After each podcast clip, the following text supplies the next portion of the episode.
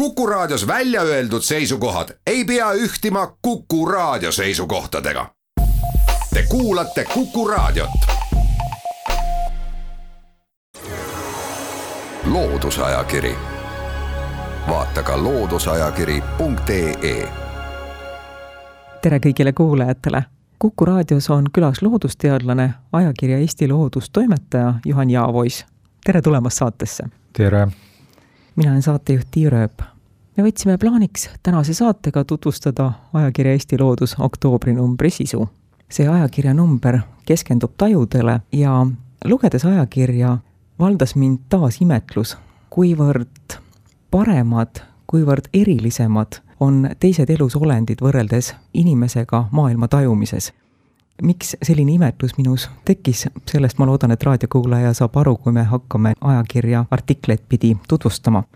Harri Valdman, Tartu Ülikooli selgroogsete zooloogia kaasprofessor, kirjutab, kuidas selgroogsed loomad tajuvad maailma. ühest küljest on väga lihtne vastata viie meele abil, nii nagu meie inimesed seda teeme, nägemine, kuulmine, haistmine, maitsmine ja kompamine, aga on olemas selgroogseid, kes lisaks sellele tajuvad elektrivälja, või maa magnetvälja ja järjest enam on kindlaks tehtud ka selliseid loomaliike, kellel on kajalokalisatsioonivõime. jah, ma jagan su imetlust, et äh, kas just inimene on silmatorkavalt pimedam ja kurdim kui teised loomad, seda võib-olla mitte, et paljud äh, inimeste tajud on väga hästi arenenud, aga ikkagi äh, on äh, huvitav ja üllatav mõelda selle peale, et, et suur osa maailmast on meile, inimestele märkamatu ja kuuldamatu ja nähtamatu ja isegi paljud äh, meeleelundid, mis äh, looduses mõnelgi liigil on olemas, meil täielikult puuduvad, nagu sa mainisid, siis jah, magnetvälja tajumine ja elektrivälja tajumine näiteks ja ka kajalokatsioonisüsteemid. ja see on selles mõttes huvitav, et ega me ise ju igapäevaselt elades ei saa aru, et meil mingi osa maailmast jääb nagu täiesti nägemata või kuulmata, et meile tundub, et meie tajume kõike enda ümber ja võib-olla mõni putukas või, või mõni väiksem loomakene, et temal siis jääb midagi nägemata, kuulmata, aga, aga me kunagi ise ei mõtle selle peale, et me ise oleme võib-olla sellesama putuka rollis võrreldes mõne muu loomaga järgmine artikkel, mille leiab ajakirja Eesti Loodus oktoobri numbrist, on Tartu Ülikooli eksperimentaalpsühholoogia professor Jüri Alliku kirjutatud ja selles loos keskendub ta inimese tajudele. arukas taju on artikli pealkiri. Jüri Allik oma artiklis jah, kirjeldab äh, põhiliselt Tartus ja tema töörühmas tehtud huvitavaid katseid, millega püütakse siis jälile saada sellele, et äh, kuidas meie taju toimib just äh, funktsionaalsel tasemel, et mitte nüüd minna sinna nii-öelda tarkvara poolde, et millised ajuosad täpselt äh, millega tegelevad, mis on suurelt jaolt äh, must auk veel tänapäeva tajuuuringutes, aga just, et milleks me oleme võimelised, kuidas me mingites olukordades käitume, kuidas me mingites olukordades tajume ja mida saab siis sellest järeldada selle nii-öelda tarkvaralise poole kohta meie ajus. et kuidas need nii-öelda plokkskeemid seal toimivad ja need uuringud, millest siis artiklis põhiliselt on juttu, on, on keskendunud äh, selliste asjade nagu arvude keskmised ja ka arvukus selliste asjade tajumisele. ja tehti siis katseid, et äh, kuidas inimese silm hindab näiteks punktide arvukust ekraanil. nagu me hästi teame, siis on olemas sellised asjad nagu optilised illusioonid ja ka arvukuse tajumisel me ei ole nendest eh, optilistest illusioonidest vabad, et kui näiteks punktid asetsevad rohkem kobaras koos, siis inimesed hindavad intuitiivselt seda arvukust väiksemaks ja Jüri Alliku töörühm on siis üritanud kuidagi saada näppu peale sellele, et eh, mis põhimõtetel inimese aju seda teeb ja näiteks punktide või ka mis iganes objektide looduses arvukuse hindamisel, siis leiti, et arvukust hinnatakse suuremaks siis, kui iga punkti kaugus tema lähimast naabrist on suurem, aga kui igal punktil on üks naaber väga lähedal, siis hinnatakse väiksemaks. ja miks üldse sellised automatismid äh, ja sel kujul, nagu siis siin on leitud, meie ajus toimivad seda muidugi praegu ei teata veel päris täpselt, et ju neil ikkagi on olnud evolutsioonis oma roll, miks just äh, sel ja mitte teisel kujul see meie peas olev arvuti neid punkte või muid objekte kokku arvutab, aga selleni, et äh, miks see niiviisi nüüd on looduses välja kujunenud, selleni veel ei äh, ole nendes uuringutes eriti jõutud, aga lihtsalt huvitav on mõelda, et et äh, meie igapäevases nägemises toimivad sellised automatismid, kus teadliku mõtlemisega ei ole mitte midagi pistmist või teadliku kokkulugemisega. Ja ilmsesti sama toimub ka teiste loomade puhul ja isegi vägagi primitiivsete loomade puhul, näiteks äh, putukatel või kahepaiksetel, on tuvastatud, et arvukust nad suudavad küllaltki hästi hinnata, mistõttu siis sellel ei, ei pruugi olla teadvusega suurt midagi pistmist ja teine teema, mis äh, siinsamas artiklis, millest on juttu, on siis keskmiste hindamine, et äh, noh, siin on illustratsiooniks on toodud ühed puuviljad, et äh, kui meil on silme ees suur hulk puuvilju näiteks kuskil puu otsas, et siis selleks, et hinnata, mis seisukorras see ressurss meil seal looduses parasjagu on, selleks ei ole otstarbekas hakata iga vilja ühekaupa hindama, vaid aju peab kuidagi ühe hetkega ja väga kiiresti hoomama seda kogu pilti ja ongi siis leitud, et äh, see nii-öelda keskmistamine toimub äh, väga efektiivselt meie ajus.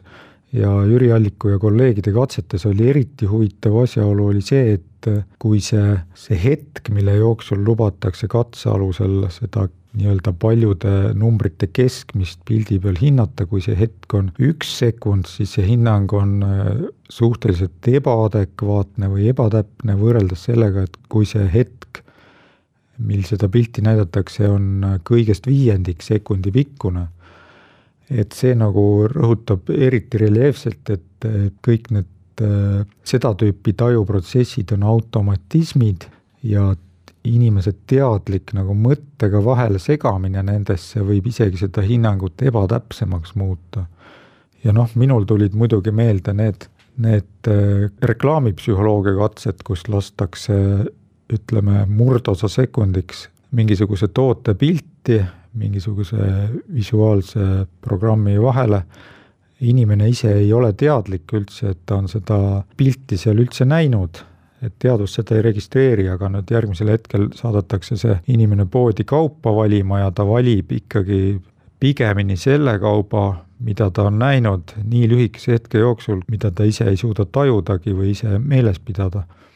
ja kes tahab seda tüüpi katsetest ja uuringutest täpsemalt lugeda, siis see Jüri Alliku artikkel on väga hea sissejuhatus sellesse aga muidugi kõik need asjad on ilmselt äh, tunduvalt keerulisemad, kui meie praeguste lihtsate mudelite puhul on suudetud välja selgitada, aga see annab hea sissejuhatuse ja niidiotsa nende automatismide üle arutlemiseks. loodusajakiri, vaata ka looduseajakiri.ee loodusajakiri läheb edasi Kuku raadio Tartu stuudios on loodusteadlane Juhan Jaavois ja saatejuht Tiia Rööp. me jätkame ajakirja Eesti Loodus oktoobri numbri sisu tutvustamist. Arvo Tuvikene, Eesti Maaülikooli hüdrobioloogia kaasprofessor, kirjutab kalade suhtlemisviisidest.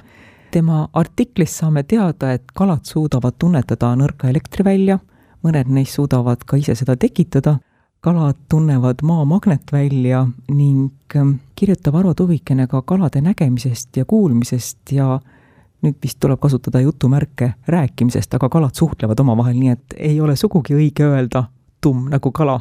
jah, kalade puhul sellisest äh, klassikalisest äh, nagu meie moodi hääle tekitamisest tuuakse üks näide, see on angerjas, kes siis on võimeline oma ujupüüest õhku välja pigistades tekitama midagi trombooni heli sarnast. aga see ei tähenda, et nad helidega ei suhtleks, et nad äh, kasutavad muid heli tekitamise viise, näiteks äh, hõõruvad kokku hambaid või mingeid luid, matsutavad suud või siis see on äh, huvitav elund mõnedel kalaliikidel trummlihased, millega siis põristatakse kala ujupõie peal nagu trummi peal ja see tekitab siis sellist trummilaadset heli. ja kalade puhul jah, nagu näha, tummusest on asi kaugel, aga ka teadlased on kalade kuulmist uurides jõudnud järeldusele, et, et nende kuulmisulatus on mõnevõrra erinev ja kõrgemas otsas ka mõnevõrra kehvem inimesest, et kui inimese puhul on räägitud siin, et inimene on võimeline kuulma helisagedusega kuni kakskümmend tuhat hertsi, siis kalade puhul on siin kõige kõvemad kuuljad,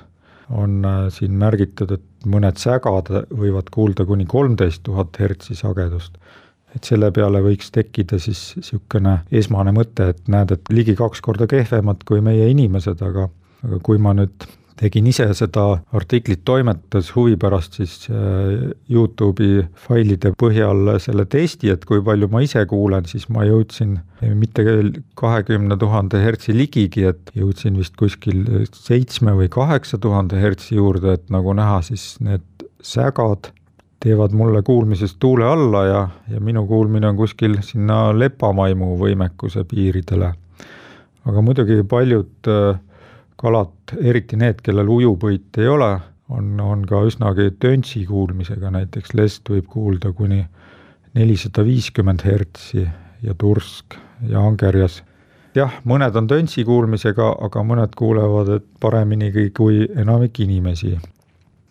järgmine tajuteemaline artikkel, mille leiab ajakirja Eesti Loodus oktoobri numbrist, viib meid selgrootute nägemismaailma kui selgroogsetel loomadel on silmaehitus kõigil ühte tüüpi, siis selgrootute puhul on tegemist terve müriaadiga eri tüüpi silmadega. Toomas Esperk, Tartu Ülikooli selgrootute zooloogia kaasprofessor, kirjutab neist. nojah, kuivõrd selgrootute mitmekesisus on sedavõrd palju suurem selgroogsetest ehk siis äh, kaladest ja imetajatest lindudest ja sellistest loomadest, siis on ka nende tajude ja tajumaailmade mitmekesisus äh, mõistagi üüratult palju mitmekesisum. noh, selgrootuid loomi on üle kolmekümne hõimkonna, aga selgroogseid äh, loomi on ainult üks alamhõimkond keelikloomade hõimkonnas ja ka selgrootute liike on kirjeldatud ligi kakskümmend korda rohkem kui selgroogsete liike ja siis, äh, siis olekski erakordselt lühinägelik arvata, et nende tajud nüüd jäävad meie omadele kuidagi alla või et äh, see osa maailmast, mida nemad on võimelised äh, tajuma ja hoomama, kogu selle mitmekesisuse peale, et oleks üldse võrreldav sellega, mida meie oleme võimelised tajuma ja hoomama ja, ja suuresti selle tõttu ongi see artikkel piirdunud nüüd ainult nägemismeelega, aga ka sellest äh, selgrootute nägemise kohta saame teada päris palju põnevat, mille peale varem pole isegi mõelnud. siin on kirjutatud äh, kõigepealt sellest, et äh, inimene kipub arvama, et hea taju olemasoluks on vaja ka väga korralikku aju, aga see tundub olevat nüüd nende loodusest leitud faktidega vastuolus, et näiteks sellised äh, loomad nagu meduusid, kellel siis närvisüsteem on äh, üle keha tänkudena laiali jaotunud ja sellist ühtset aju, mida meie siis seostame kõrgema närvitegevusega, neil ei olegi, aga sellegipoolest äh, neil on olemas täiesti korralikud läätsedega silmad, millel on kõik needsamad põhiosad mis ka näiteks meil inimestel ja meduusidel, noh sellises rühmas nagu täringmeduusid, nende tajuelund, mida nimetatakse servaelundiks, mida on neli ühel loomal, et see üks tajuelund hõlmab endas lausa nelja eri tüüpi silmi, millest siis kaks silma on läätsedega, sarnased inimese silmadega ja kaks on siis lihtsamad ja lisaks on seal siis valgustundlik ala sellel servaelundil, mis äh, on seotud ilmselt äh, fotoperioodismiga, et äh, ööpäevase ja aastaaegade valgusrütmide vaheldumisega ajakirja Eesti Loodus oktoobrinumbri intervjuu on tehtud biosemiotiku ja luuletaja Timo Maraniga. temaga vestles Triin Nõu. üks probleem, millega ta ka ise tegeleb ja millest natuke juttu teeb, on on siis väljasurevate või haruldaste liikide tajumine, et kui mõtlema hakata, siis äh, kõige kriitilisemalt tulekski kaitsta just neid haruldasi väljasurevaid liike, aga paraku mida, mida haruldasem mõni olevus meie keskkonnas on, seda vähem me teda kipume märkama loomulikul kujul juhul, kui keegi nüüd spetsiaalset trummi ei löö selle olevuse ümber, nagu näiteks lendorava ümber tehakse vahest kõva meediakära. ja kui nüüd see loom või taim või mõni muu olevus muutub äh, järjest märkamatumaks meie keskkonnas, siis äh, kuna ta meie tajuilmast äh, nihkub aegamööda välja, siis ei ole ka inimestel mingit huvi teda kaitsta ja seda võiks, võib pidada isegi looduskaitseks üheks ülikeskseks äh, probleemiks, et me teame hästi lendoravat tänu tema meediakajastustele,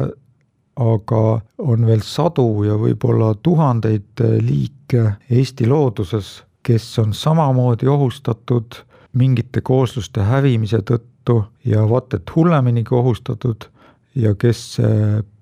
lausa surevad äh, välja meie ümbert, ilma et äh, me märkaksime seda, mis veel hullem, ilma et üldsegi me oleksime olnud teadlikud,